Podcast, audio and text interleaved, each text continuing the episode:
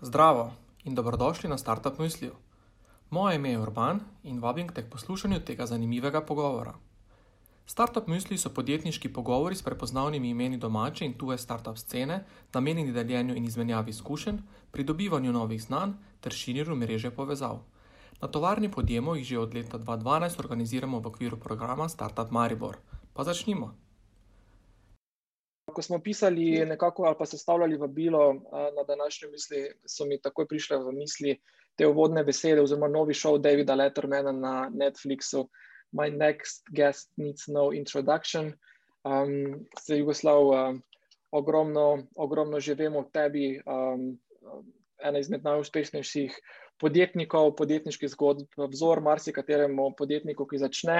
Ampak vseeno, mogoče da te spoznam malo iz druge strani, nekaj takih uvodnih, malo drugačnih vprašanj, da spoznamo tudi kaj druga od, od mimo vrste in pa Flavijarja. Um, za začetek, koliko zračnih mil si prepotoval v letu 2019 in koliko 2020? Um,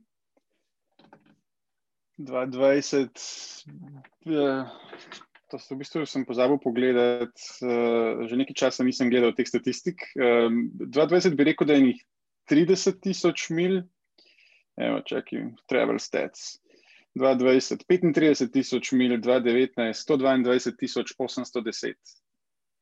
Ok, teda tudi v letu 2020 si presenetljivo veliko potoval. Ok, pričakoval sem malo drugačen, malo drugačen odgovor. Kar v redu. Ok. Tvoja najljubša kuhinja? Um, nimam ene najljubše. Um, italijanska je full fajna, zaradi tega, ker je full univerzalna, pa, pa taka mediteranska zdrava. Uh, francoska je full fajna, ker je toliko zakomplicirana. Um, Japonska je toliko na različnih koncev, da, da, da, da vam za vsako vrsto japonske hrane imam razlog, zakaj mi je the best. Um, uh, uh, pa potem kakšna tajska, um, singapurska street food je pa, je pa najbolj exciting, je pa najboljši feeling. Cool.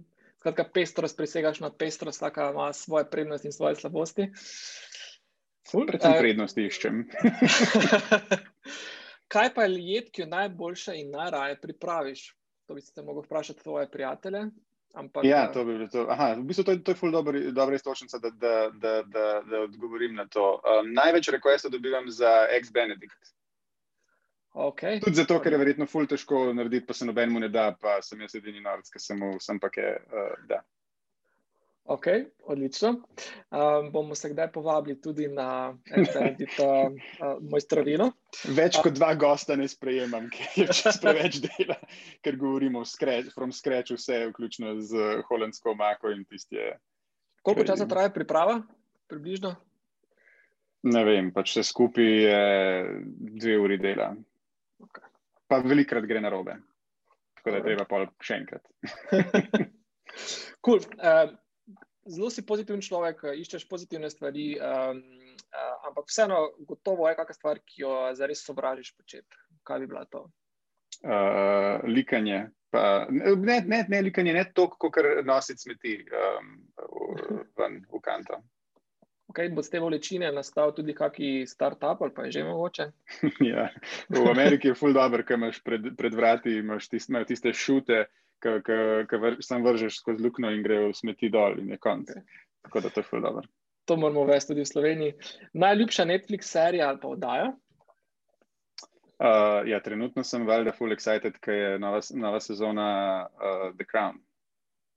Ok, tudi fan, tudi ti si fan te serije. Cool. Dobro, še en. Najljubši podcast? Uh, nimam najljubšega, um, ker jih premalo poslušam, da bi, da bi upal to reči. Je pa edini, ki sem poslušal tako, več, več delov in več sezon, je pa uh, Hodinki, um, uh, Hodinki podcast, to je se pravi Hodinki je website o urah. Um, in, je, in imajo podcast, ker imajo zelo zanimive goste. Tako da ta je edini, ki dejansko sem pa kaj poslušam. So ure tudi tvoja ena taka skrita ali pa malo manj skrita strast, poleg tega, kar počneš? Sem kar fan mehanskih ur. Ja. Hm? Sicer zdaj imam gor Apple Watch. Ampak to, to je bolj redkost. Um, Drugače sem, ful, sem ful, um, v mehanskih urah, imam tudi recimo, tako mehansko namizno uro, da vem, koliko je ura, pa kjer datum je. Tako, tako da um, sem kar, sem kar into that. Cool, cool.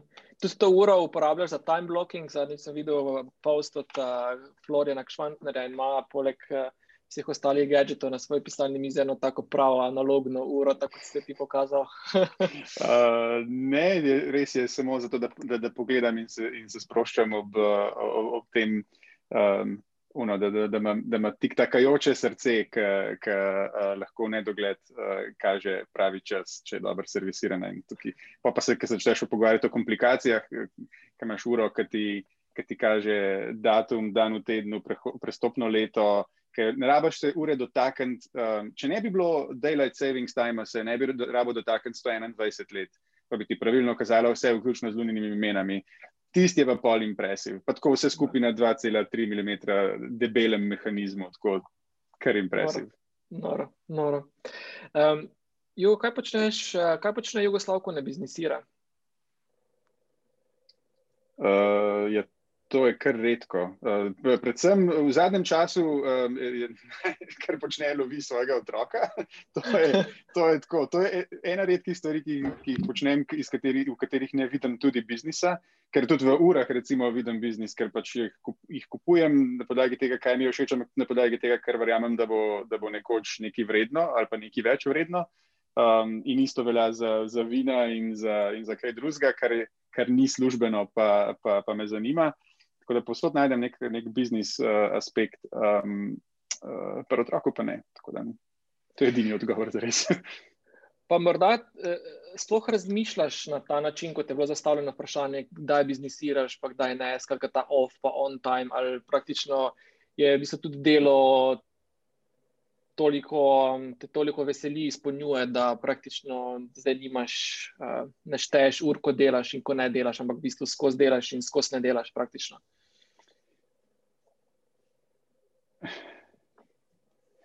Ja, trudim se, da bi, da bi, da bi znal preklopiti, um, ker mislim, da to je full važen. Um, če ne želiš burnout in če delaš tako intenzivno, takrat, ko si, ko si v, v, v, v delu, si tako intenzivno, da v bistvu že od nekdaj je ena od mojih boljših kvalitet bila, da sem znal dejansko preklopiti, ker sem prišel domov. In sem, in sem presekal, in, in, in se nisem ukvarjal z biznisom ampak to pa ne pomeni, da, da ne vidim priložnosti poslovnih ali, ali za firme, s katerimi sodelujem, bodi si kot, kot svoje ali pa, ali pa kot investitor, ali pa da pač gledam stvari skozi prizmo tudi biznisa um, um, v marsičem, kar delam. Ne? Se pravi, jaz lahko. Ne biznisiram, pa sem na plaži, pa berem nek članek v reviji, pa mi da to neko idejo za neki X. Ne?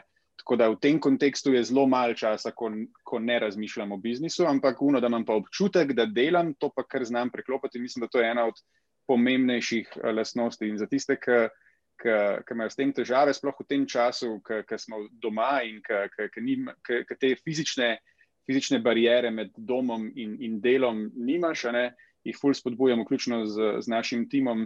Da, um, da dejansko pač naredijo to, da se zjutraj, ko vstanejo, oblečejo, ženske make-up, uh, da, da grejo v službo. Ne?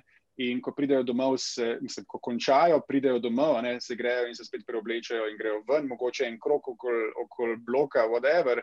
Sem da to, da presekaš uh, mentalno, ker rabimo ljudje ta, to, to presekati. Ker če ne, jaz vem, jaz sem delal od doma, ta prvič, ko sem se preselil v San Francisco, sem delal od doma štiri leta, uh, sem delal od doma, tako kot smo zdaj le v lockdownu. Uh, In, in so bili dnevi, ko pač niso šla sploh ven iz stanovanja, ki pač je vno, kar, kar okoli okol so šli kazalci, pa dostava hrane je delala full dobro in vse to. Ne, tako da je bilo uno. Pač dejansko se lahko minili dnevi, ko sploh nisi stopil ven.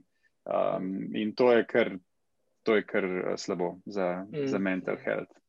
Se strinjam, se strinjam. Imate kakšen, kakšen trik, kako prav, tako striktno pravilo, ne vem, da. da prav delate vem, do šestih, sedmih, pa se potem prav izklopite tudi iz Slackov, iz vseh zoomov, da ste prav v bistvu na, bom rekel, airplane mode ali je bolj taka um, zablurana, mehka meja. Ne, spodbujamo, recimo v firmi spodbujamo ljudi, da imajo, da imajo um, in v Google Calendarju in v, v Slacku nastavljene te uh, time off. Um, v Slacku je valjda ful dobro to, da, da pač še vedno, če je nujno, lahko un, un uh, notification porineš skozi in to, in to je kar dobro. Je pa valjda to ful težko, če, če si razbit na, na, um, na vsaj dve državi, tako kot smo mi, pa na, na ne vem, pet časovnih pasov, ne, je to ful težko um, doseči, da, da, da, da, pač, da, da, um, da, da si čist nedosegljiv. No ker je mm. konstantno neki, ampak se trudimo, no, da, da, da je ta downtime in da, da, da pač tudi pričamo uh, in, in, in praktisamo um, mm. to, da, da, um, da treba presekati in, in, in tudi imeti downtime. Mm, mm. Predvsem za vodstveno ekipo je verjetno bolj še večji izziv, ko morajo v različnih time zonih v bistvu delati pa koordinirati ekipe. Ja. Do tega se še malo vrnemo, mogoče še zadnjo vprašanje. Glede na to, da veliko potuješ, se družiš um, po celem svetu, uh, se mi zdi tudi zanimivo, ne? kako v bistvu v tujini nekomu na kratko predstaviš Slovenijo v primeru, da je ne, da je ne pozna. Je, zdaj le štiri leta je bilo ful dobro, zdaj le štiri leta je bilo ful dobro, ker sem rekel Melania Trump, pa so se vsi za glavo prijeli.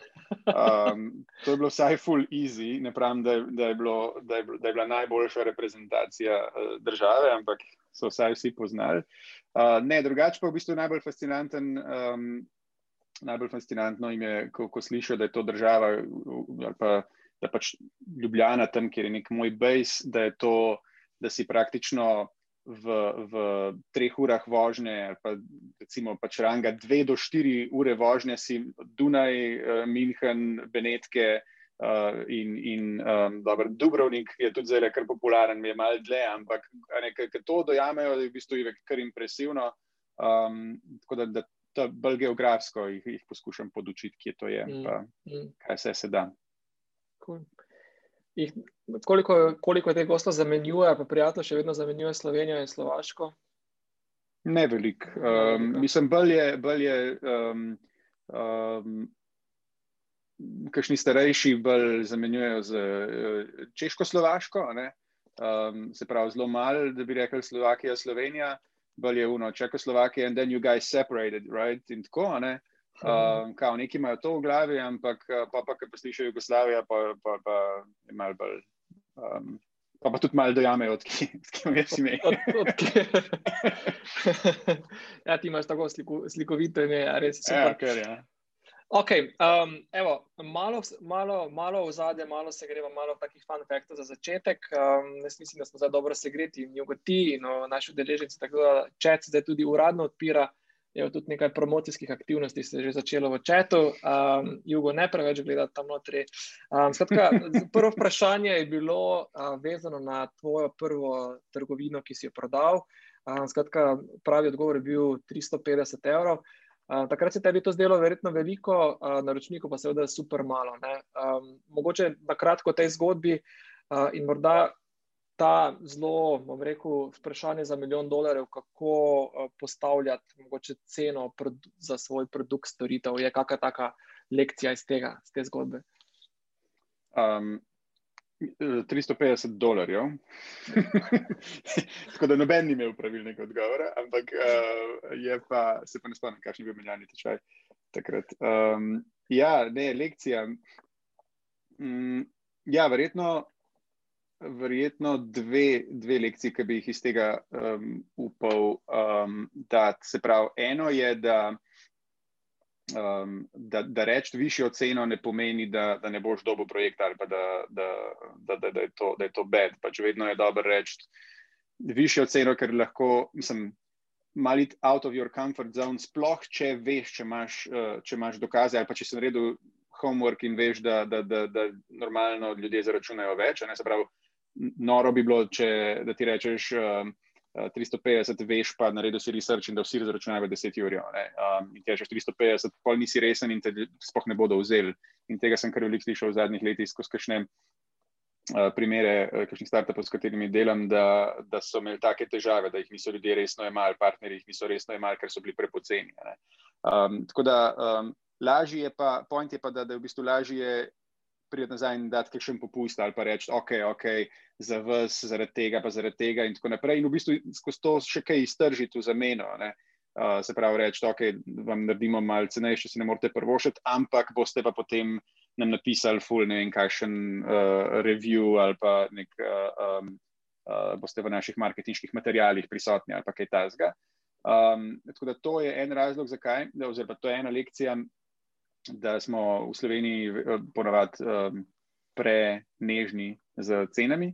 Um, drugo je pa, je pa v bistvu v nasprotno smer, je pa, da, da tisti cement takrat zdaj čist hud del. Uh, jaz sem bil full happy z denarjem, ki sem ga dobil in valjda naročniku se je to pa zdaj absurdno dober del. In če ne bi bili neki to družinski prijatelji, um, me verjetno ne bi sploh vzeli, ker bi bil prepocen. Ampak um, so bili pa full happy s tem. In, in to, je pa, to je bila pa ena lekcija, ki pa, ki pa jo zelo dostakrat uporabljam, ko se pogovarjam s kakšnimi startupi okoli njihovega kakšnega fundraisinga in tako naprej. In je na svet, da v bistvu je full boljš um, optimizirati za to, da, da, imaš, da, da del zapreš in da del zapreš z, z dobrim partnerjem, kot pa optimizirati za stvari, kot so valuacija in kaj drugega tazga. Se pravi, full se je boljš fokusirati na kvalitativne um, elemente tega, kot pa, um, kot pa na, na kvantitativni, se pravi, na nek znesek. Ne. In v bistvu to je, se pravi, kadar je deal win-win, um, da se oba da počutek, da sta full dobro skozi prišla, takrat je, takrat je to destined for, for success in se bo ponavadi relationship nadaljeval od tam naprej. Če pa je takoj že nek cmok v grlu na eni ali na drugi strani, ali pa celo na obeh. Če na obeh je še nekako ok, ampak če pa na eni ali pa na drugi, je pa to ponavadi pol sam še failure. Mogoče to, kar nas splošno, ali pa tvoje opažanje pri postavljanju cen, moj, pa mi pove, če se, se strinjaš, ali pa tvoj komentar. Smo občutek, da veliko krat smo slovenci tako pregovorno skromni tudi pri postavljanju, ali pa se, ali pa se prenisko cenimo in nas je strah, ali pa nam je nerodno postavljati tako pošteno um, dobro, visoko ceno za nek kakovosten produkt, tako da nam je v bistvu da nam je nerodno postaviti ta pravo ceno. Ti strinjaš s tem ali je to moj tak feeling? Ja, mislim, jaz bi celo, jaz bi obrnil, jaz bi drugače rekel, da, da um, za ceno tudi to, to, to je nekako že bil moj prejšnji point, da, da smo mal sramežljivi, ampak rečemo, da, da, da to sceno pol se nekako um, ljudje malo poskusijo, pa, pa, pa vidijo, da, da, da gre skozi, pa jim je, pa pa jim je lažje to. Ne? Mislim pa, da še vedno en, en večjih um, uh, manjkov je pa, je pa uh, to, da se, da, se, da se prodajamo prepoceni, ne, ne v ceni, ampak v, v tem, kar, kar zmoremo deliverati. Mhm. Um, in, um, in se pravi, da, da smo fulj zihraši v tem, kar obljubimo, da bomo naredili. In to vsaj v Ameriki, se pravi za tiste, ki, ima, ki bodo karkoli imeli stika z Ameriko, ne, je to full slab recept uh, za uspeh, ker američani so pa jih nasprotni. Ne. Tam pa je, oni se pa preveč prodajajo, oni pa obljubljajo več, kot so sposobni zdelivrati. Mm, in če mm. ti tekmuješ, če ti priješ na isti sestanek z istim partnerjem in, in ti devet uh, konkurentov obljublja, da bodo naredili 120%, ti pa prodajaš, da boš naredil 80%, ker hočeš biti zihar, v resnici ste pa oboji sposobni narediti 100%, mm. um, ta, ti, ti si pač totalno diskvalificiran. Ne?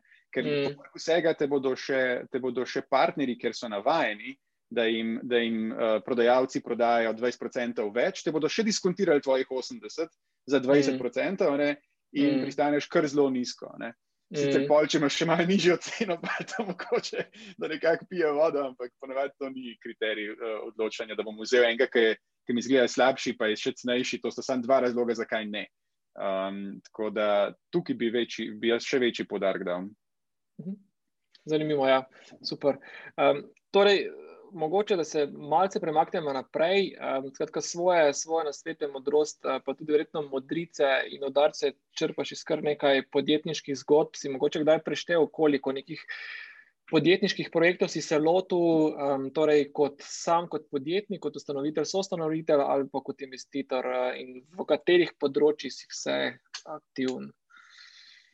Ne, preštev nisem uh, kot investitor, pač ogromno. Um, če štejem še, da, da, da investiram tudi v zadeve, ki niso nujno uh, startupi, ampak so um, bodi si collectiblesi, kot sem prej rekel, z, z kakšnimi urami in vini, do tega, da na, na, na, na public stock marketu in tako naprej, je, je tega ogromen, ker, ampak posod je ista, je, je ista investment thesis. Um, tako da nisem preštel, ampak uh, um, svojih nekih firm je pa verjetno samo 4-5, um, ampak um, pa vsaka od njih kar precej uspešna. to je tudi neki. Kako si uh, v bistvu presekal ta neki urok uh, te start-up statistike, ena izmed de desetih uspe ali pa kaj imaš? Ja, vsega še nisem, vsega, mogoče ga še nisem. Um, v bistvu je, no, mislim, od svojih, uh, uh, več imaš kontrole, um, ko, ko delaš nekaj svojega, ne? je ful večja verjetnost uspeha um, v, v kontekstu, da, da, da, da, da, imaš, da imaš neposredno kontrolo nad, tem, nad svojo usodo. Ne. Več lahko narediš za to. Če si investitor v druge startupe ali pa boh ne da je investitor na borzi, pa nimaš nobenega um, vpliva na to in je res to loterija. Um, da, ampak ja, kar se tiče mojih investicij v startupe, nisem še prepričan, da sem presekal ta, ta urok. Um, je pa res, da, da vem, prve investicije sem naredil 2012, recimo v startupe. Um, in, um, in je ogromen firm še živih um, v tem umestnem času. Zdaj sem v zadnjem času bolj zmanjšal investiranje, oziroma ne investiram več direktno, ampak prek, uh, prek kakšnih skladov, ker sem prisoten. Um, in, in firme še obstajajo, še vedno lahko uh, ne uspejo. Ne? Ampak zaenkrat pa je pa ta death rate je pa kar, je pa kar ok. Um, uh, tako da to, to bomo še videli, kako bo. Ampak ja, um, če, pa se, če pa sprejmem uh, pozicijo, da, da mi je rad in se sprašujem, kaj sem jaz naredil, uh, tazga, ker mislim, da, da, da je bilo impactful. Um, bi pa rekel predvsem to, um, investirati svoj čas in energijo v stvari, pri katerih imaš res um, neko konkurenčno prednost, uh, nek insight, ki ga drugi, drugi nimajo, neko nek, eh, nek unik pogled ali pa neko znanje, ki ga drugi še nimajo.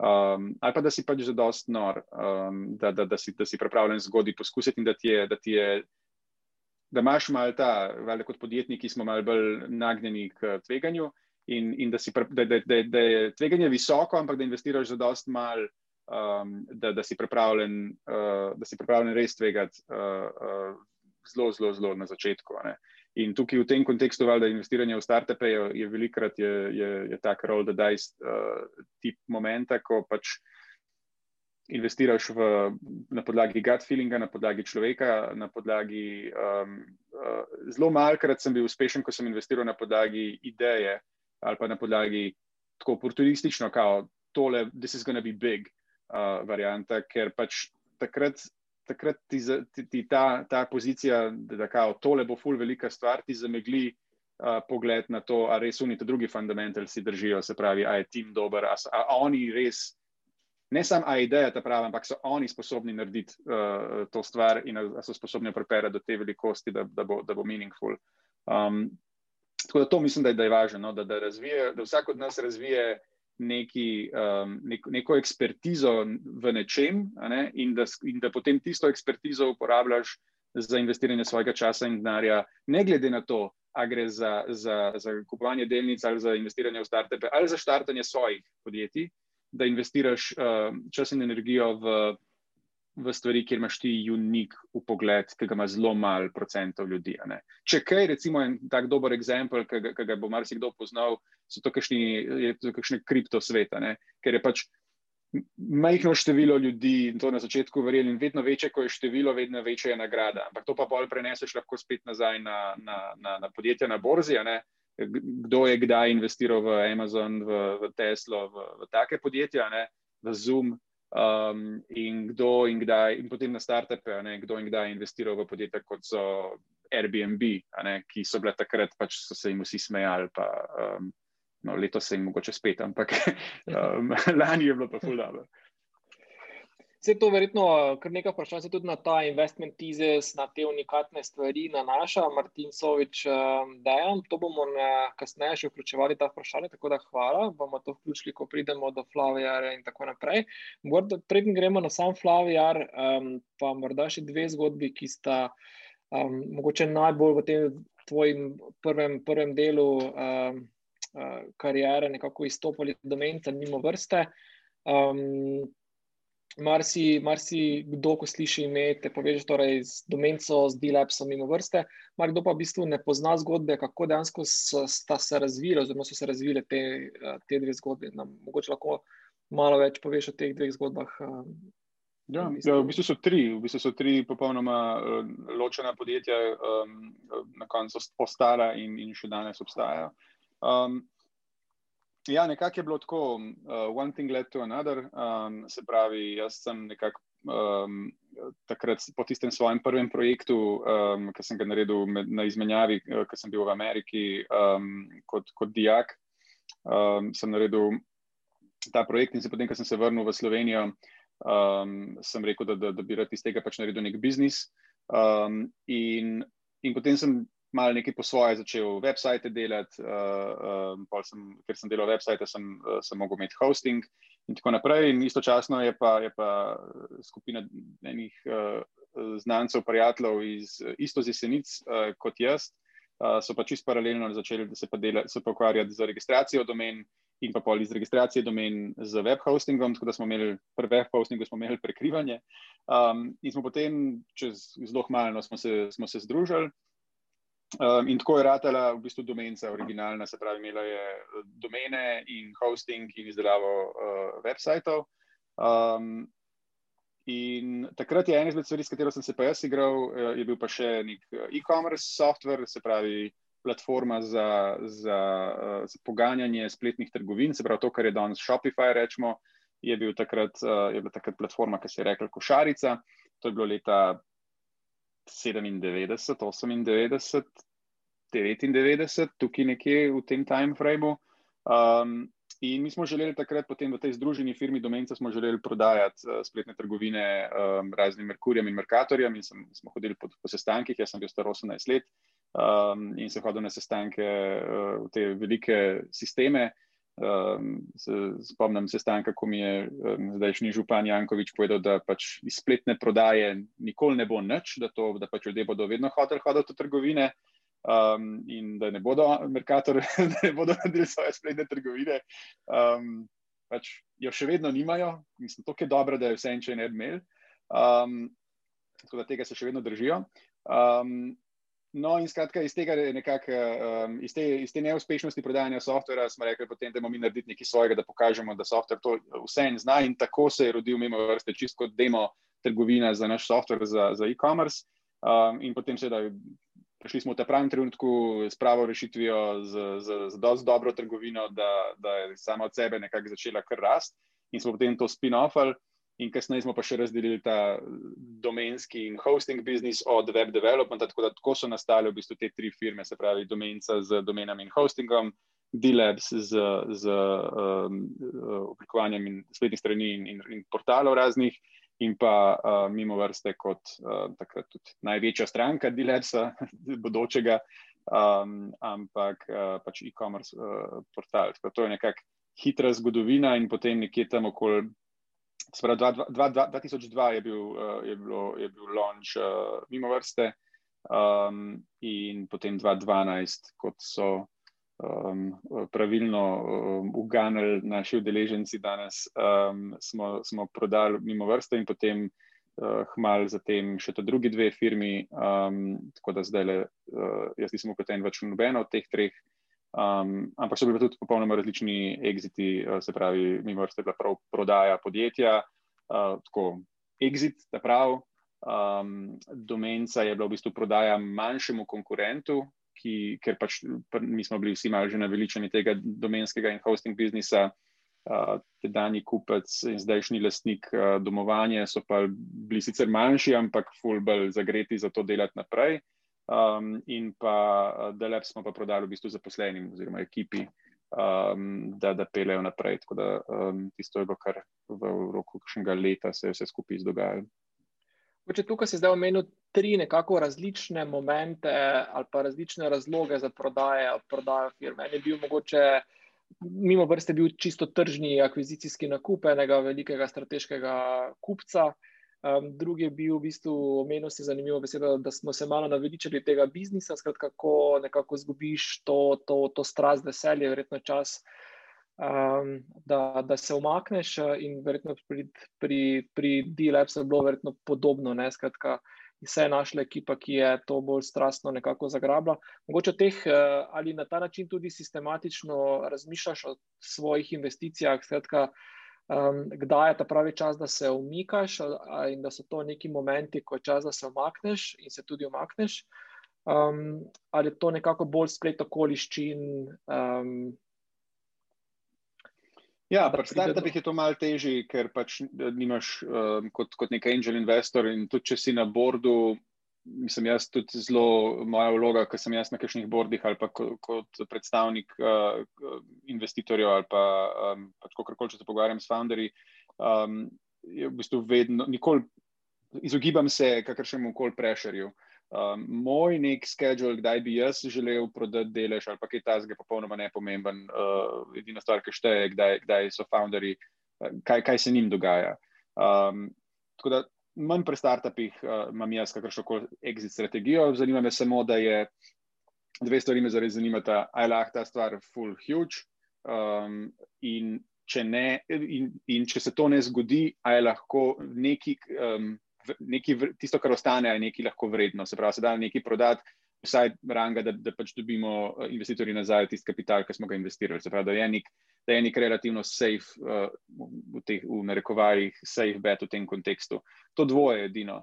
Um, je pa pol, je pa to druga logika, jaz pa gledam vse skozi prizmo, skozi prizmo teh treh primerov, recimo razlogov za exit, pa gledam, ko pa razmišljamo o izstopu iz neke investicije, ki jo imam pa na borzi narejeno. Se pravi, jaz, sem, jaz nisem trader, jaz sem pač uh, buy and hold uh, tip investitorja in, um, in to mi je pa recimo veliko pomagalo, da pač ne vem, jaz sem kupil Tesline delnice po 27 dolarjev, uh, ki so danes uh, adjusted za, za, za split, ki je bil so 2700 bližji. Uh, se pravi, so uh, veliko, veliko više in jih nisem vmes prodal, ampak sem dokupoval.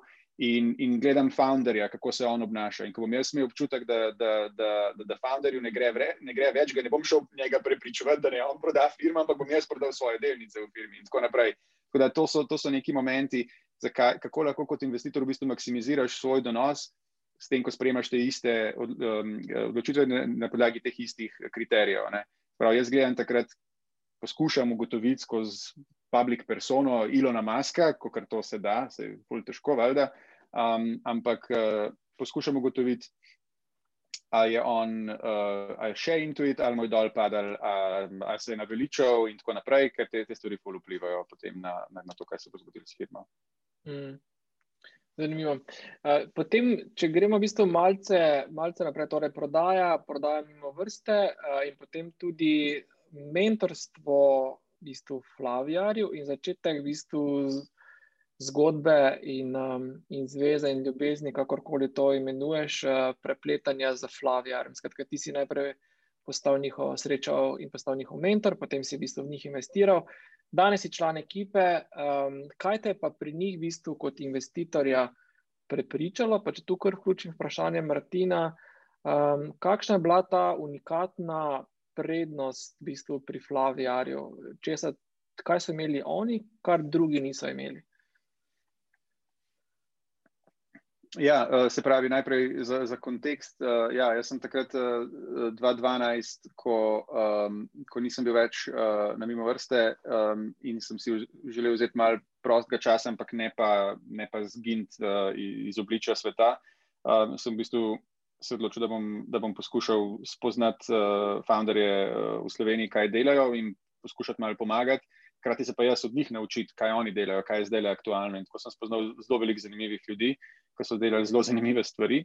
Um, in tako nekako um, um, slučajno v tistem letu naredil nekih pet uh, angel investmentov v, v Sloveniji. Um, in ta prvi je bil, je bil Flavijar. Um, ampak uh, Flavijar se je v bistvu z Grišo začela pogovarjati, že, še, ko sem bil še na mimo vrste. Uh, je v bistvu prišel do mene uh, um, čist za nasvete, kako delati e-commerce, uh, um, ker pač je on želel delati nekaj z alkoholom, z, z, z žganimi pijačami na internetu. In uh, jaz sem bil pač sogovornik, ki bi mu dal lahko kakšen nasvet za e-commerce. Um, in bolj, ko smo se pogovarjali. Seveda, pa nisem bil kar random uh, človek. Ne? On je tudi uh, prišel do mene tudi zato, ker je vedel, da sem foodie, pa da me zanima vino, pa, pa spirici in tako naprej. Um, in potem sem to, v bistvu, Flaviar, sem jaz gledal fuldo skozi prizmo um, osebne izkušnje. Se pravi, jaz sem, jaz sem šel čez, ta, čez to pot um, uh, od uh, nič vedeti o, o, o čemkoli, potem se malo s hrano spoznavati, potem zelo hitro, zelo upgradal znanje in, in izkušnje uh, z kuhanjem in z uživanjem vrhunske hrane, potem um, prešal to na valjda interes na, za vina in iz vin na, na žgane pijače. Uh, in potem še znotraj žganih pijač naredil ta nek, neko, nek, neko, neko pot od, uh, od valjda nekih viskijev, ki so ti ponavadi neka prva vstopna točka, potem zanimanje, potem prek uh, konjakov na rume in potem iz rumov nazaj na konjake. Tako da pač dobiš neko, neko izobrazbo, in, ampak točno se vidi, koliko časa mi je to vzeli in koliko denarja mi je to vzeli. Um, ker vse to, kar sem zdaj naštel, v, je v parih letih verjetno ogromno nekega budžeta uh, meni pokurlo, ker edini način za učenje je bil, da sem hodil po restauracijah, po, um, po um, vinskih leteh um, in, po, po, in, in kupoval neke flaše spiricov in, in poskušal in, in se učil. Ne. In ko je, ko je prišel Griša z, z tistimi nekimi osnovnimi idejami za Flavijar, je bilo, um, je bilo ogromno tega, je bilo pač jaz sem customer za to. Ne? In, in tista moja prva investicija sploh ni bila, um, je bila čistko uno. Tok sem bil vesel, kaj, kaj so uspela na, na, na, na kruhati za, za eno idejo, dobro, in sem rekel, zakaj to še ne obstaja. Ne? Uh, in rekel, zato, ker pač nimam denarja, kako bi začel. Ne? In zato sem jaz rekel, ja, imate, dobro, jaz sem jih zdaj neki, uh, neki prodal, pa kaj pa če bi jaz investiral, pa, pa, pa štartamo. Ne? To je bilo zelo tako random, zelo, zelo slučajno, ampak potem je, pa, pa sem pa jaz investiral, mislim, da se pravi, nekih 4-5 firm v tistem prvem letu. Um, to je bila neka ta geneza no, tega. Um, in, in se pravi, ta um, odločitev je bila zelo bolj unotko želim, da to obstaja. In če, če je edini način, kako se to zgodi, da jaz uh, investiram nekaj malega denarja, um, zakaj pa ne? ne? Um, pol je bilo pa, pa zelo drago, pa se pa zelo hitro zelo spremenjalo. Potem smo lansirali to in potem je začel eh, se nekaj dogajati. Jaz sem se vmes preselil v Ameriko uh, in ugotovil, da v bistvu Amerika je zares trg za Flavijo. Začel težiti, da moramo iti v Ameriko uh, dobu zelo toplo priporočilo, da se prijavimo na Y Combinator, um, ker bi bili dober kandidat. In kot šele, ko smo bili sprejeti na, na Y Combinator, je bilo tisto tako, ok, tole je zdaj lepa. Mal bolj resna zgodba, zdaj se bo pa treba malo bolj tega resno polotiti, in tudi Jugo ne boš več mogel biti samo smart ass, uh, uh, ki samo razlagaš, kaj bi bilo fino narediti, ampak uh, se boš mogel malo bolj aktivirati. Ne? In takrat so se potem zgrišali, da jaz pridem uh, on board full time in tudi prevzamem kot, uh, kot direktor. Zakaj, zakaj je Amerika kot ta pravi trg? Uh, in vprašanje tudi s tem povezano, v bistvu, katere so bile tiste začetne predpostavke o ameriškem trgu, ki so se vam kasneje izkazale kot popolnoma napačne in zgrešene?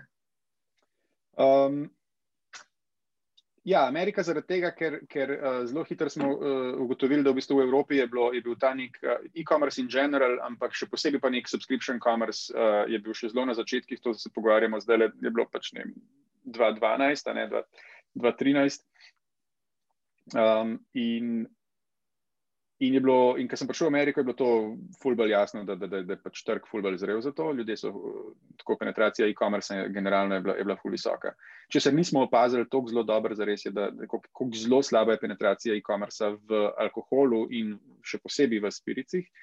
Um, tako smo se v bistvu, in tukaj ta, ta um, ogromnih lekcij, ki, ki, ki je prišlo iz tega um, ki so bile hkrati um, razočaranje, koliko je v bistvu deleč to, ker ameriška zakonodaja na področju alkohola je katastrofalno kompleksna in smo se zelo hitro mogli zelo veliko naučiti.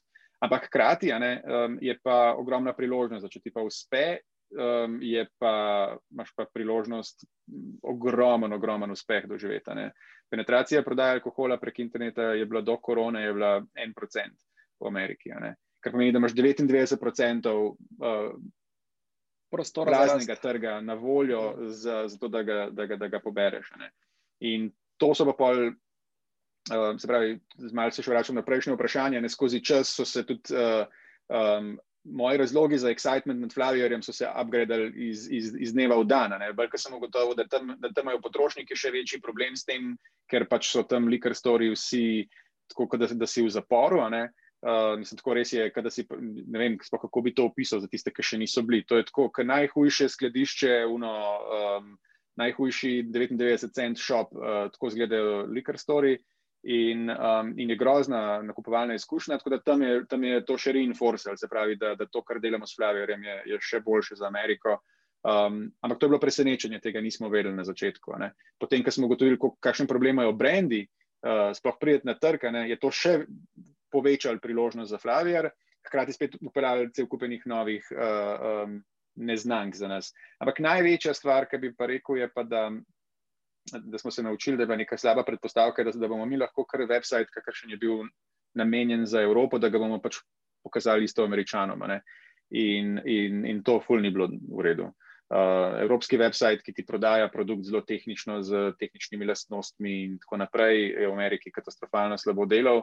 In mi smo potem um, uh, v nekem trenutku rekli, da, da, pač, da, da, da, bomo, da gremo Hail Mary narediti, da, da gremo all in, praktično vse denar, smo, ki smo ga še imeli na razpolago, smo ga porabili, da smo prepeljali celo ekipo v Ameriko, tam bili par mesecev, razvili nov website, ki je bil prilagojen američanom. Uh, in in um, marketinškemu piču, kakršnega oni, um, na kakršnega oni reagirajo, In, in takrat se je, so se nam konverzije povečale za krat deset, in, in je bilo potem ful boljši in ful lažji, in potem naslednje leto smo bili kar nekaj profitabilni. Um, tako da take stvari so, so, so po mojem, jih podcenjujemo. No? Ne moreš iz Slovenije, um, še posebej ne iz Slovenije, pa tudi ne iz Evrope, verjetno na ameriškem trgu, ful um, uspešen biti. Bi, bi lahko kakšne značilnosti ali pa te raz, ključne razlike med ameriškim in uh, evropskim pristopom nekako posplošil v neke rekel, ključna spoznanja, torej so neke take splošne razlikovalne značilnosti, ki so ne glede na biznis, ali je to, ali so v bistvu ste vi ugotovili prav specifično za ta e-commerce, za, za spirice, v bistvu te. Ne, je kar splošno, Sedaj, na to sem se večkrat že prej navezoval, ne se pravi to, um, koliko se prodajati, pa kako se prodajati. Um, se pravi, ne, ne preveč uh, se nazaj držati, ne preveč uh, tehničen biti, ne, ne, uh, pač malo več samozavesti, pa malo več, um, pa malo bolj to the point, pa malo bolj, um, mal bolj um, aspirational. Ne vem, kako bi to po slovenski, uh, uh, pitch, uh, aspirational pitch, namest, namest tehničen. Se pravi, bolj. Mm uno, ko, ko, ko, ko prodajaš, mi prodajaš idejo in vizijo, ne pa, ne pa tehnične korake, kako do tja pridemo. Ker mm. ameriški potrošnik je, je, je fulbol navajen nekaj poskusiti, zaradi tega, ker pač jim ni problem. Um, Uh, ni, ni problem dati nekaj denarja, da nekaj poskusijo, ker, ker, imajo, ker hkrati pa vejo, in je popoln standard, da se denar vrača, če nekdo ni zadovoljen. Ne? In, mm. in v bistvu njihov barrier, uh, njihov friction za, za nekaj novega poskusiti je ful manjši kot v Evropi. In je uno, get out of your own way. Uh, če si ti prodajalec, ne, se moraš umakniti iz, iz njihovega trajektorija in jih sam spodbujati, zakaj to ja. In potem omogočati na drugi strani, da če niso zadovoljni, da dobijo denar nazaj, da skenslajo, da, da, da karkoli že, um, ali da pa poskrbeti, da bodo zadovoljni. Um, in in to, je, to so neke take bolj big picture te lekcije, razlik med tema dvema trgoma. Mm, mm. Še ena stvar, mogoče, ki je znač, se mi zdi značilnost, uh, tudi pri Flaviju, pa tudi na splošno uh, te, te start-upovske mentalitete je sprememba vem, poslovnih ali pa prilagoditve poslovnih modelov. Ne. Zdaj, mogoče imaš v mislih, koliko različnih poslovnih modelov ste poskusili, ali pa kateri torej, um, je ta dejansko, v katerem ste danes. Uh, In kako hitro uvajati, in na podlagi česa v bistvu delate te spremembe? Ja, um, ne vem, Če bi, mislim, mi smo naredili ogromno nekih iteracij, nekih večjih takih sprememb, je bilo mogoče 4-5. Ne bi sicer rekel, da so to velike spremembe poslovnega modela, ker poslovni model je vse čas bil relativno podoben, um, nek, neke vrste nek subscription, recurring revenue, okol alkohola in, in, in teh tasting uh, samplov in tako naprej. Um, tako da ampak so bile pa kar drastične spremembe v smislu uh, cenovne, uh, pravi, po kakšni ceni prodajamo paket in kaj dobiš v tem paketu in tako naprej. In te odločitve so bile vedno. Neka naša frekvenca se je izkazala čisto historično, tako se je izkazala, da, da enkrat na leto smo naredili kakšno tako večjo spremembo. Uh, in ponovadi je bilo to um, nekje aprila, ne, ko se je začel tisti, se pravi, pri nas je um, tale zdaj Q4 je, je najbolj um, uh, živahno obdobje, in potem je, uh, je potem tam februarja, marca veliko, veliko zatišje, aprila smo malo živčni in nekaj spremenimo. Um, in potem te spremembe se potem popravljajo, mislim, jih, jih uh, optimiziramo čez poletje, in potem smo redi za naslednji, uh, za naslednji Q4. Um, torej, tak nek cikl imamo, ko, sem, ko imamo malo introspekcije spomladi. Um, in te spremembe so bile pa hočem reči, po eni strani vedno iz istega razloga in to je bilo neka optimizacija um, in, in odziv na, na, na, na feedback uh, strank. Po drugi strani so bile pa dokaj različne, ker enkrat, recimo, lani sprememba, ki smo jo naredili, je bila zelo driven strani tega, da, da je Facebook advertising ratov ekstremno drag v lanskem letu, ker je Facebook imel tiste probleme v začetku 2019, ko so mogli full zmanjšati inventorij oglasov in so šle cene oglaševanja gor, s tem tudi naš acquisition cost, customerjev zelo gor. In smo mi v bistvu iskali način, kako lahko še vedno um, dobimo um, ta rekup, se sploh ne znam te stvari povedati. Um, po, povrnitev investicije v nakup enega customerja, koliko hitro jo lahko dobimo. Um, se pravi, um, mi, smo želi, mi smo pač imeli nek cilj, v kolkem času želimo to, to, to, ta return dobiti. In, um, in en od načinov je bil dvigan ceno. In s tem smo dvigali ceno, seveda tudi dali več, uh, več uh, um, benefitov našim memberjem. Um, ampak odziv, se pravi, sprememba poslovnega modela je bila kar velika, ker enkrat smo za 50% zvišali ceno. Cilj je bil pa, uh, je bil pa um, da, da smo si sposobni prvoščati te dražje, dražje advertising koste uh, na Facebooku. Um, Doskrat so pa spremembe odziv na, um, na, na to, kar, kar, pa, kar pa stranke pravijo, da, da pač jih moti to, jih moti tisto, želijo si več tega in več tistega. In uh, zdaj smo recimo v eni fazi, ko, ko se pa bolj temu prilagajamo. Mhm. Tako da je pač iz različnih koncev. Ampak ta dva sta verjetno, pač en je preživetje in oziroma pač um, denar na računu, ne, in drugi je pač kar kastameri rečejo.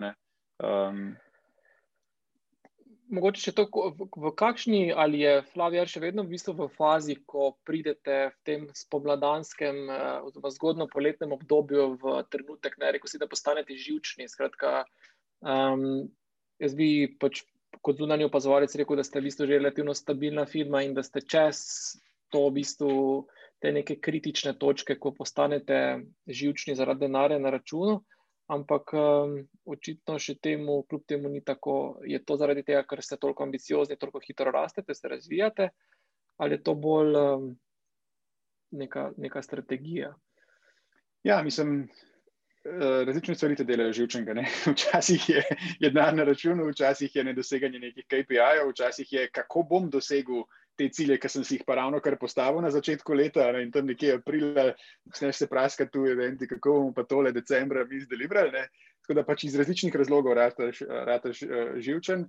Uh, mi smo se tudi, recimo, ena stvar, ki smo se uspeli razviti vmes, je, da imamo tudi nek, nek um, umestni čas. Um, se pravi, medtem ko je uh, naš. Uh, ta decembrski, uh, se pravi od Thanksgivinga do, do, do Božiča, obdobje za nas uh, najbolj busy in, in daleč, daleč največji po, po, po prodaji in tem, ne, smo uspeli zbildati v bistvu pa Father's Day, ki je pa junija kot naš drugi največji praznik, okoli katerega se ogromno stvari zgodi. Ne, in je v bistvu super, ker, ker ti postane cilj, ki ga zasleduješ že tekom leta. Ne, in se pravi, mi smo ogromno pripravili to naredili um, leading into Father's Day smo, in zdaj, pa v bistvu, ko, se na, na, na ta, ko smo se pripravljali na ta božični del, ne bilo pa v bistvu ogromen tega, okay, kaj smo se naučili na Father's Dayu, uh, adaptacije in pa sam še uh, Blow It Up, uh, uh, 5X uh, in to je to. Um, tako da, ja, um, ta aspekt. Ne. Zdaj pa valjda, bolj, ker si ambiciozen, um, bolj si potem živčen, kako boš do tega prišel. Ne, Če, uh, ne glede na to, ali si čist on track ali nisi, je vse en mm. um, skeri včasih. Mogoče še ena stvar, zdaj, ko smo imela jutranji, jutranji taki eh, general, ko smo rekli, da bomo ob deveti šla v bistvu na novo realnost, ne? pa v bistvu še vmesen, kar pošten čepter manjka. A, ampak bom se kljub temu, kljub temu že dotaknemo na te nove realnosti, pa slavijarjem. Kljub temu, torej eno sem bili zdaj omenil si, da je torej, Facebook zelo vplival na, na vaš poslovni model. Um, feedback iz trga ne, je pa tudi ena stvar, ki je letos zelo vplivala na vaš poslovni model ali pa na pivote in sicer pandemija. Um, zdaj, na kak način um, je v bistvu ta cirkus s COVID-om um, zatresel Flavijar um, in kaj ste se iz tega naučili? Ja, za nas je bil, um, za, za, za to, kar mi delamo, je bil, je bil COVID v bistvu blazno pozitivna stvar. Uh, ne COVID kot tak, ampak lockdowni, ki so, si, ki so se zgodili zaradi tega. Um, zaprtje barov, restauracij um, in tudi v veliki meri trgo, trgovin, um, ali pa pač zgolj, da si ljudje ne upajo iti ven, ali pa zmanjšujejo to, koliko grejo ven, je pač uh, bil ogromen boost e-commerceu generalno. To smo videli tudi v Sloveniji in to, to seveda vidimo v ogromni meri v Ameriki. Um, Tako da to je bilo ekstremno pozitivno. In kar se je zgodilo, je bil nek tak fast forward, um, uh, ki se je zgodil. Jaz bi rekel, da je tako, um, nimamo zdaj pač neke, nekega blaznega, uh, natančnega uh, izračuna, ampak v, v parih tednih, takrat v marca, aprila, se je zgodil napredek celotne industrije alkohola za ne vem, leta. Um, in se pravi, kar naenkrat vse od zakonodaje, ki se je spremenila, ker naenkrat so, so stajati začeli dovoljevati uh, več nekega pošiljanja alkohola in tako naprej, ker so na ta način lahko pobrali več davkov in so rabili ta revenue, ki so ga drugače zgubili skozi druge davke. Ne? Do tega, da so brendi bili kar naenkrat fulbol zainteresirani za e-commerce delati, ker pač niso mogli delati uh, dogodkov v, v trgovinah in v barih in klubih in tako naprej. Tako da za nas je bilo to ekstremno, ekstremno pozitivno. Um, Sedaj je bil potem izziv, je bil, kako to shendlati. Mi smo imeli recimo porast uh, um, uh, interesa je bil, ne vem, če si, če si gledal um, search volume za buy alkohol online, je bil pred korono in potem takrat marca, aprila je bila razlika krat šest. Um, in to je ogromnega trafika, um, ogromen pressure tudi na, na, na, naš, na našo logistiko, uh, sploh biti sposoben shendlati ta velik um, priliv interesa. Tako da um, veliko pozitivnih stvari, seveda pa tudi pol negativno je pa to, da, da, pač, da, da ti skoči in, in si navajen nekega, nekega new normala in kaj, pa, pa mogli smo doda, povečevati ekipo, da, da, da, smo, da smo zmogli to uh, sprocesirati vse in zdaj. Pač ni, ni pa nujno, da bo to vedno zdaj tako, ne lahko da bo padlo, ne? ampak vse kaže, mislim, mislim, da je kar logično. Um, Kot smo se vsi navadili delati sestanke prek Zuma, in, in da bo ogromno manj nekih potovanj, uh, uh, za poslov nekih službenih poti in tega, ker boš lahko to naredil online, tako bo tudi valjda vsak je poskusil kupiti uh, nek, neke, neke žgane pijače online in je bil zadovoljen za izkušnjo. Ni veliko razlogov, zakaj bi šel nazaj na, na, na obiskovanje tistih bednih trgovin. Tako da računamo, da bo, da bo ta, da bo ta um, nova realnost kar ostala. Si še opazil, kako spremembo, predvsem zdaj govorimo o nekih potrošniških navadah, ki bodo, ali pa za katere predpostavljaš, predvidevaš, da bodo trajno ostale takšne in, bo, ja, in bodo tudi radikalno vplivali torej na neke nove priložnosti, ki se odpirajo. Ja, mislim, ogromen je tega. Um, sem, se se smejal, ker sem bil zdaj le par, pred parimi tedni sem bil v New Yorku in sem šel nekaj tam malo po trgovinah in sem se in šlo na smeh, kako je cela eh, garderoba, um, ki jo prodajajo, se je spremenila in vsi prodajajo neke, neke obleke, ki so blazno, srajčke, kao srajca z, z ovratnikom, ampak v resnici pa t-shirt, material in taka ful uh, udobna in tako naprej. Vse prilagojeno za work from home. Ne? Tako da ogromen bo teh nekih stvari, uh, ki, bodo, ki, ki, ki bodo nastale kot odgovor na work from home. Um, Neki, mislim, pač od smešnih stvari, kot je uh, um, ureditev backgrounda za tabo, ne, da, da dobro zgleda na, na, na kameri, uh, do, čeprav ti digitalni backgroundi pomagajo, um, do, um, do, do, do raznih dostav hrane in, in, in vse, cele infrastrukture okoli tega. Um, mislim, da bo, da bo velika sprememba, bo, bo to, kar sem že rekel, veliko manj potovanj. Potovanja bodo ratela, uh, uh, air travel bo, bo ratal, fullball leisure, se pravi dopustniški, kot pa uh, poslovni. Ne da bo, ne da bo bolj, še vedno bo poslovnega verjetno več, ampak razmerje bo pa, bo pa drastično spremenjeno. Um, tako da ja, um, ogromno enih takih stvari, e-commerce je. je, je um, bo samo še bolj pridobival na, na pomembnosti. Um, pa, kar se pa nas tiče, recimo, ali pa kar, kar pa mi opažamo, prav, kar je vezano v bistvu na, naš, nekak, na naš biznis, je pa tudi to, da, da um, um, ljudje so veliko več. Ker so veliko več doma, veliko več tega um, dogajanja, kar se je prej dogajalo zunaj, se bo začelo dogajati doma, se pravi, druženje s prijatelji, ko bo spet dovoljeno, in tako naprej. Um, ogromno bo tega, um, staying in is the new going out. Um, in spet tukaj za nas je to odlično, ker mi že cel čas delamo produkt, ki je namenjen temu, da, da, da si doma ali sam s sabo se zabavaš ali pa z, z um, uh, prijatelji. Ampak to je en tak velik, velik trend. Uh, se pravi, jaz mislim, da bodo velike težave bodo imele, uh, bodo imele podjetja, ki se ne bodo prilagodila, delajo pa neke dogodke, neke evente, neke uh, take stvari.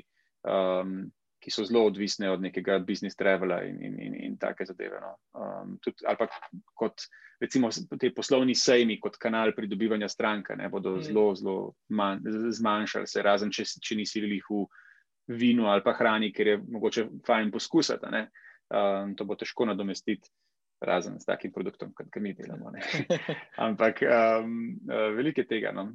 Pa valjda, um, načeloma, nasplošno, um, office environment, uh, se pravi to delo, hoditi v službo, v pisarno, kako pogosto in tako naprej, uh, cela ta um, mehanika, kako, kako engagati zaposlene, ko niso v ofisu, kjer imaš ti kontrolo nad, nad tem okoljem. Ne?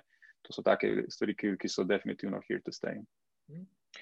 Um, malo, mogoče na, na ta del, skratka, eno so ena zanimiva teza jutr, iz jutranj, jutranj, jutranjega pogovora je bila v bistvu, um, tehnologija in pa tudi procesi dela od doma ali pa te neke nove realnosti. Ne? In zanimiva stvar, ki si jo, ki si jo povedal, v bistvu, da v bistvu, ta tehnološke platforme, na katerih danes poteka delo od doma, so še vedno na nek način.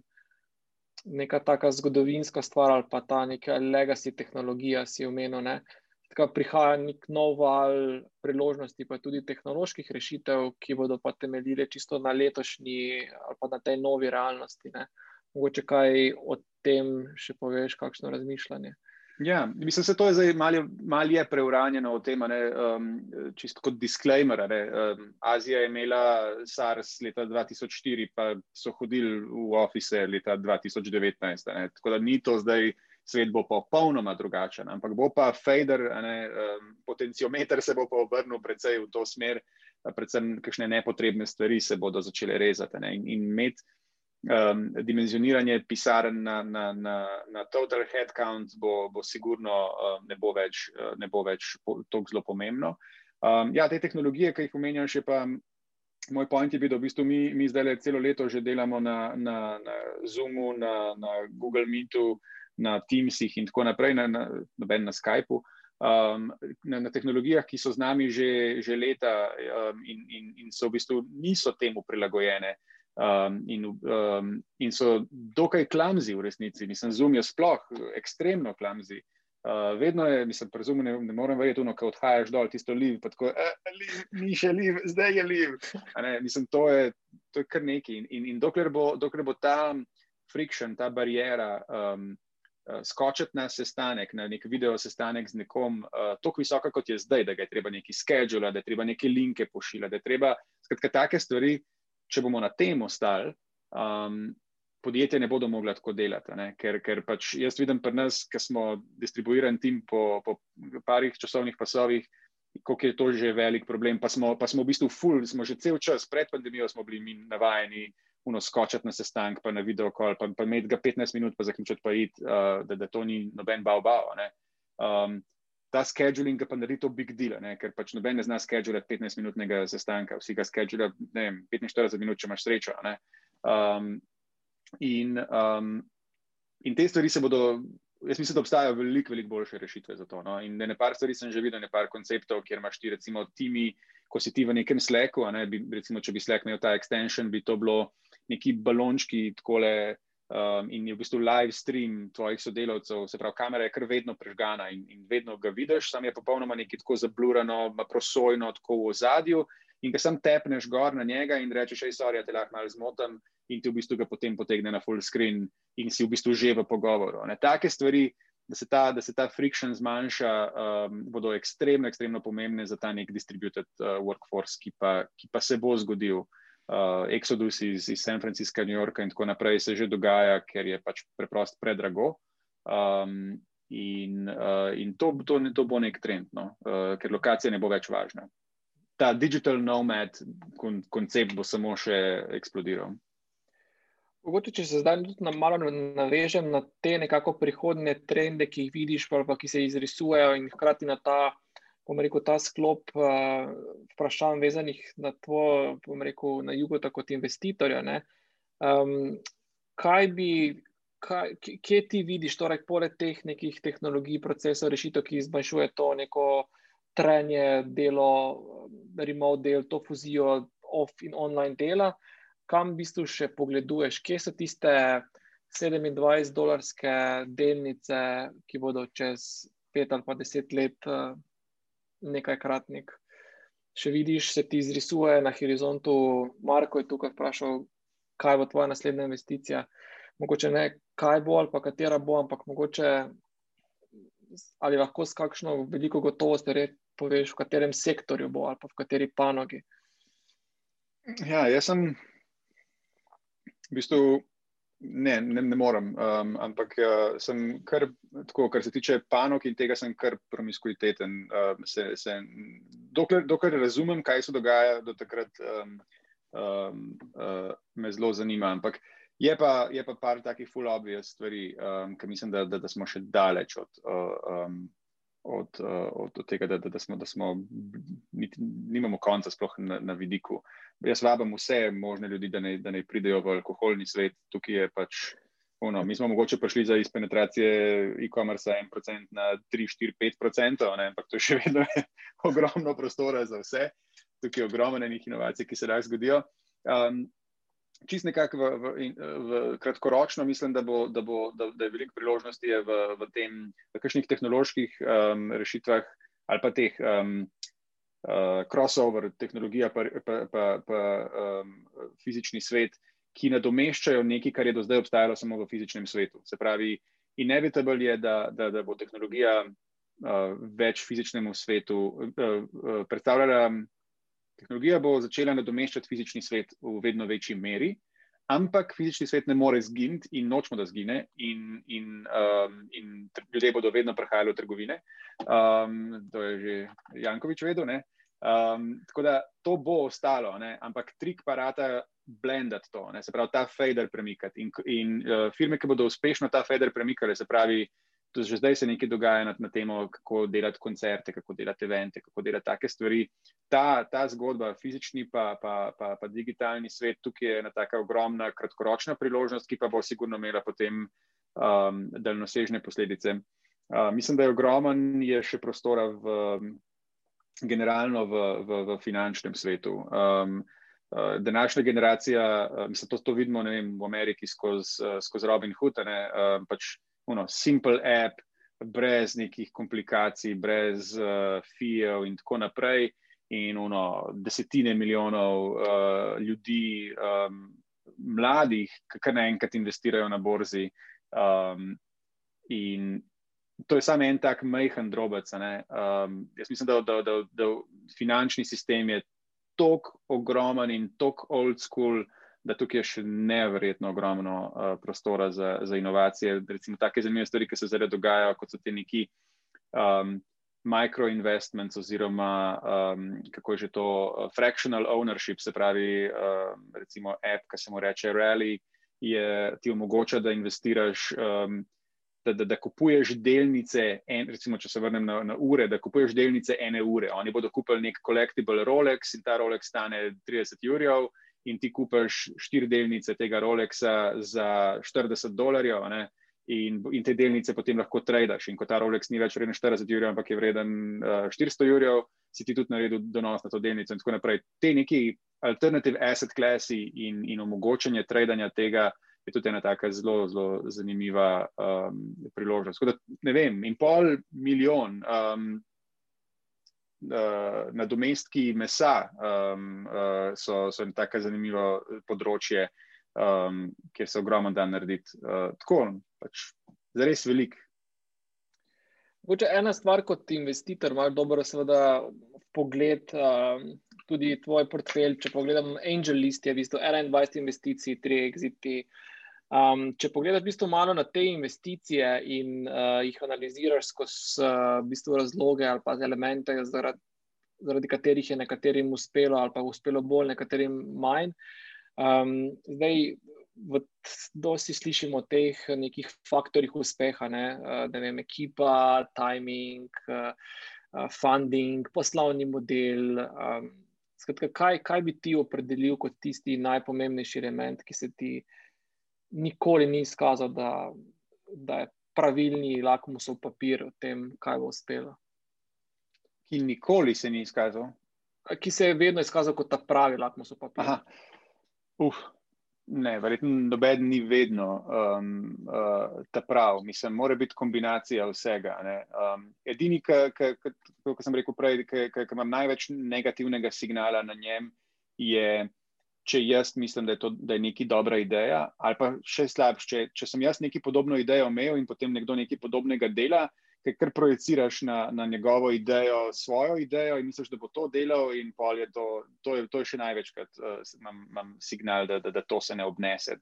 Um, Drugače, ostalo je pa, je pa, mora biti pa kombinacija. Um, absolutno je važen tim, um, dinamika tima, um, medsebojno spoštovanje in tako naprej, ker največkrat firme propadajo, ker se, ker se ekipa skrega ali pa gre, gre tam neki razpade ali pa imajo drugačna pričakovanja, želje, aspiracije in tako naprej. Um, kot ta osnovni tim je ekstremno pomemben. Um, timing je, timing slash sreča je valjda um, ogromnega pomena. Um, ampak jaz verjamem, da mislim, tako, timing je ponovadi se ga uporablja. Eh, ko se reče timing, se reče, da, da, da, da, da nisi prezgodaj, um, ker valjda kao prepozen nikoli nisi. V resnici je, je, um, je lažje biti prepozen. Ker lahko, recimo, mimo vrste ni bila prva slovenska spletna trgovina. V tem kontekstu je obstajala ena močna in v tem kontekstu je, bila, je bil mimo vrste prepozen ampak smo delali pač full boljš kot, uh, kot uh, um, incumbent in, in je, ni, bilo, ni bilo to, sploh ni bilo več tekmovanja, um, ker smo mi ponudili toliko boljšo storitev lahko.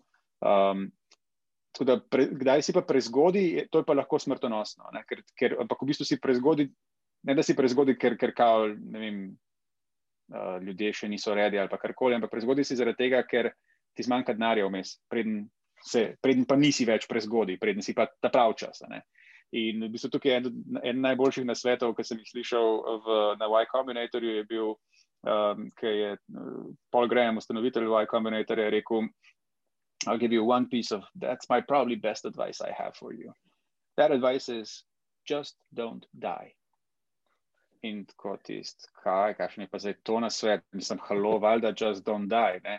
Ampak uh, v bistvu pol skozi leta sem, sem ta na svet vedno bolj dojel, ne? da, da v bistvu njegova logika je bila, da če smo te mi sprejeli, uh, če si ti v tistem dveh, dveh procentih ali enem procentu startupov, ki jih oni sprejmejo v svoj program, potem so oni že presodili uh, in te validirali, da, da, da tvoja ideja je dobra, da je lahko billion dollar company, da je lahko dober exit, da imaš stranke. Vse to so že zvalidirali. Edini, edina variabla je še, da, da ni ta prav čas. Um, in, in zato v bistvu, če še preživeti, moraš do takrat, da bo ta pravi čas. Um, in, in, in, pol, in pol imaš šanso. In ogromno je takih nekih startupov, ki, se, ki so obstajali leta in leta in leta, in, in ni bilo nič od njih, pa, pa kar naenkrat se je nekaj zgodil, in, in pa so pa oni full zrasli. Ampak kar se je zgodilo, je zgor, da, da je ratel, da, da njihova teza se je uresničila. Um, in tako da na svet je, da, da pač v tistem času, ko, ko, ko še ni tvoj čas, ne, da si zelo previden, da ne greš all in da čakaš feedback z trga. Ne, da greš all-in z vsem denarjem in kapitalom in z vsem, kar imaš, šele takrat, ko imaš signal z trga, da ne greš z glavo skozi zid, uh, dokazati svetu, da imaš prav. Ampak uh, naložiš na ogen takrat, ko, ko, ko, ko, ko že malo tli.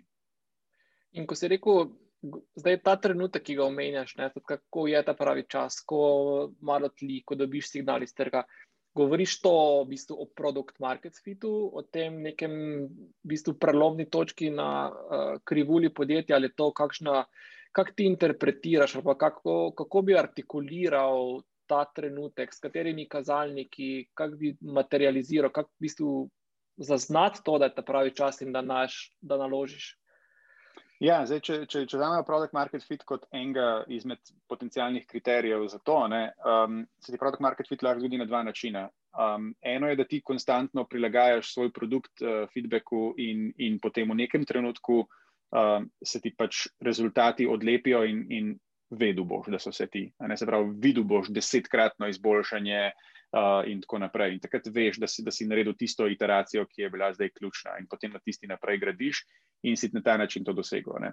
Druga alternativa je, da pač čakaš, oziroma da počakaš, da se zgodi, da se zgodi nek zunanji, um, nek zunanji dogodek. Ne. Nekaj, kar, kar pač uno.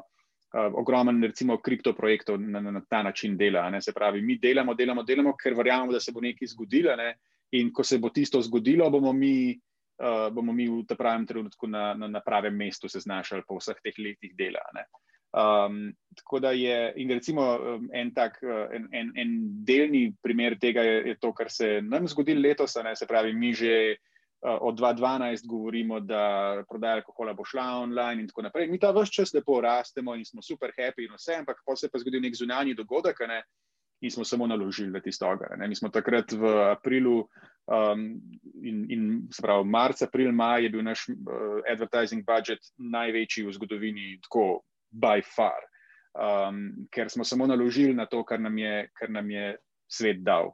Um, tako da to, no, ko, ko si tam veš in čutiš, um, in v obeh primerih, ali, um, ali delaš ti na tem. In če meriš rezultate, vidiš uh, razliko, ker naenkrat vidiš ogromno razliko in veš, da se je to zgodilo. Ne? Ali pa, ko delaš eno in isto, in kar naenkrat je drugačen respons, ali pa je kar naenkrat influx uh, demanda, uh, popolnoma drugačen, veš, aha, ok, neki, zdaj se pa ti switch se je zgodil, zdaj pa gremo, um, uh, zdaj, pa, zdaj, pa, zdaj pa smo mi na vrsti.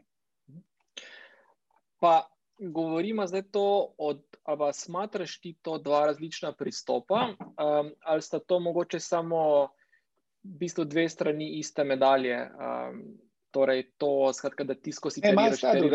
Malo sta drugačna pristopa, veš. Um, ker v tistem prvem je kao tvoja naloga konstantno spremenjati produkt in konstantno um, se uh, prilagajati odzivom z trga in tako naprej.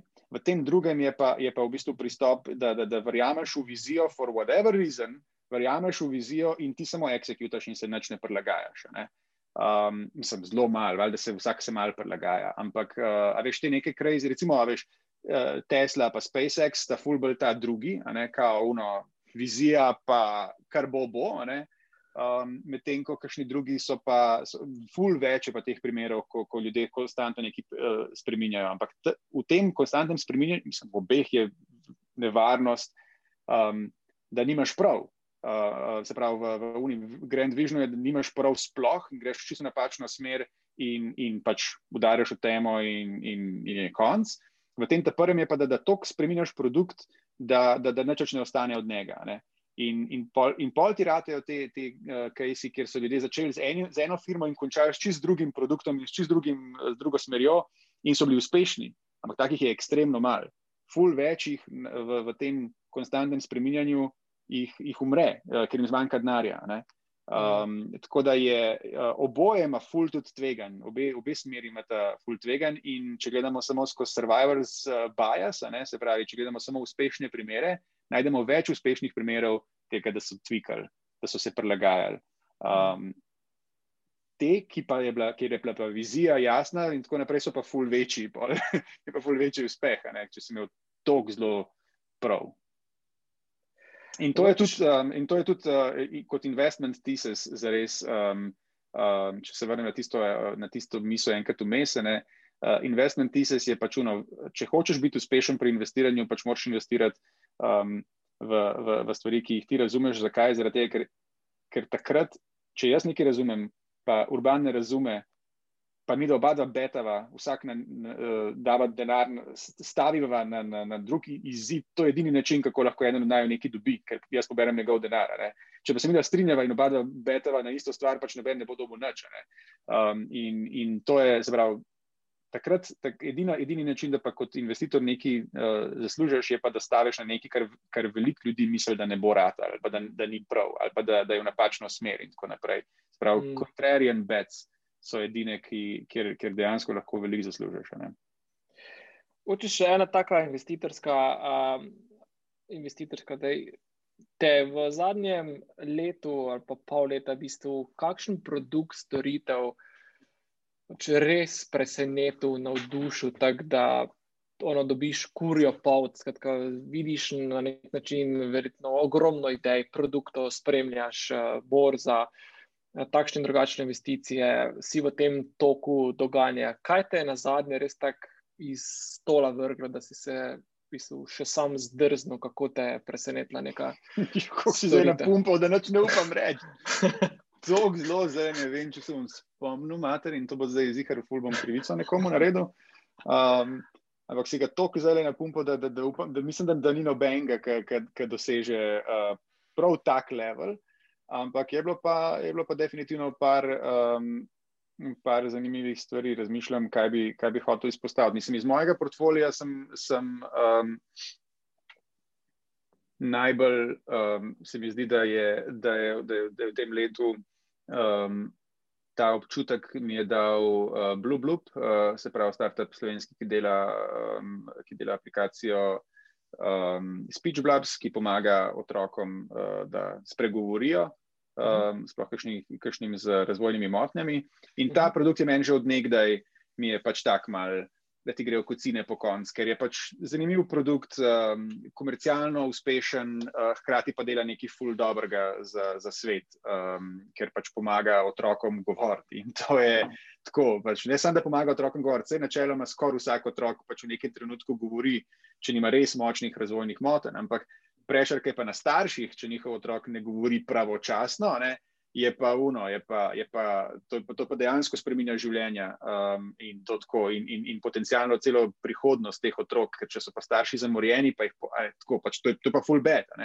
Um, in, in to je, in pol valjda letos z, z lockdownom so tudi oni čutili um, velik, um, veliko rastane. In je bil ta, malo, ta občutek, do neke mere ta občutek, ki si ga opisoval, da, da um, en, en produkt, ki dela nekaj res dobrega za svet, uh, je dobil tudi ogromen um, um, priliv interesa in, in, in, in, in uh, uporabnikov.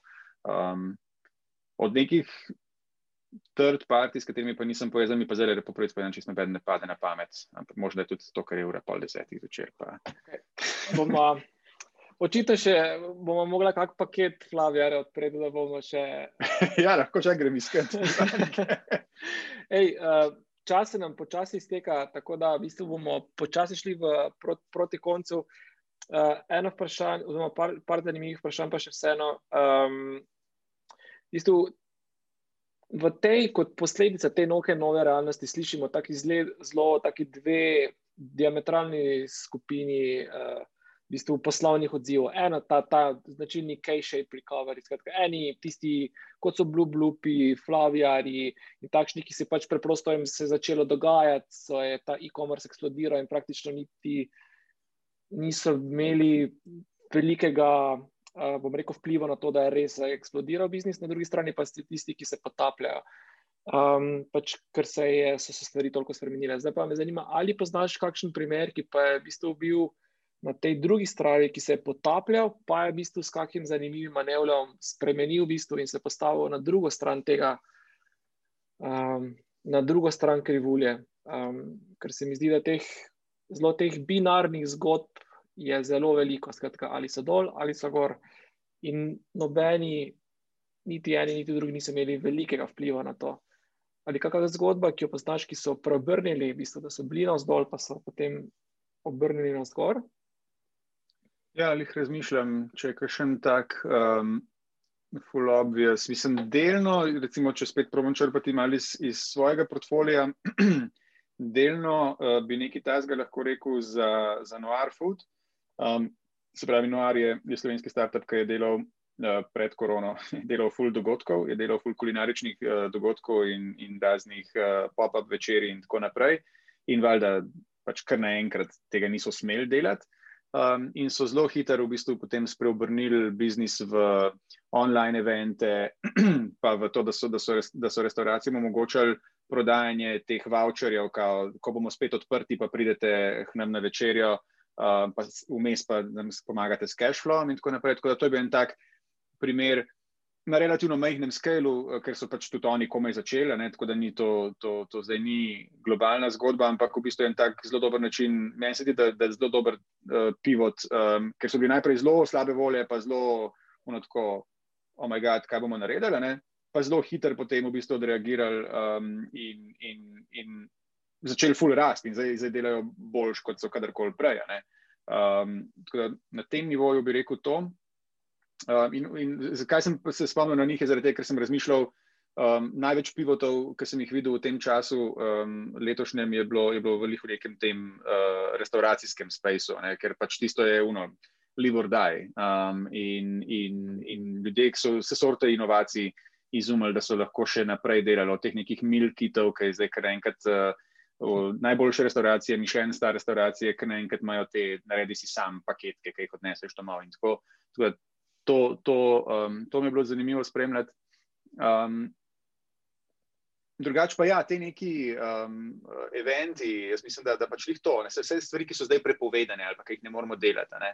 Um, eventi, um, ki, ki, ki so se dogajali prej v živo, pa kako, bilo, kako smo jih prenesli uh, online. Ne. Znotraj Flavija imamo en program, ki, ki je podoben na ta način. Se pravi, mi smo imeli program, pač mi smo razvijali, mi smo ogromen rasel, uh, cel ta naš, uh, našo inicijativo za, za dogodke za naše člane.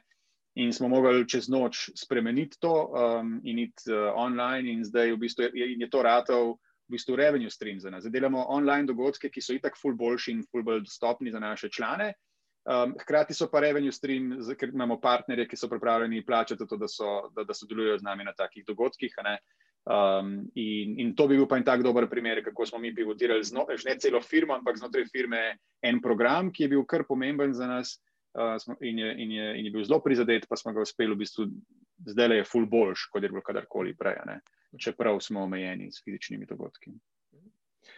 Mogoče še uh, zadnjo, zadnjo vprašanje, uh, zdaj, ko smo v takih večernih. Uh, mogoče malo bolj uh, inspirativnem delu dneva. Uh, je kakšna oseba na svetu uh, ali pa doma, uh, ki te v bistvu, tebe v bistvu inspirira, ti je nek vzgled, um, ti da, veš, nek, se, se obračaš, oziraš ali pa vse malo perifernim vidom pogleduješ na njega, uh, na njo. Poslovno. Ja.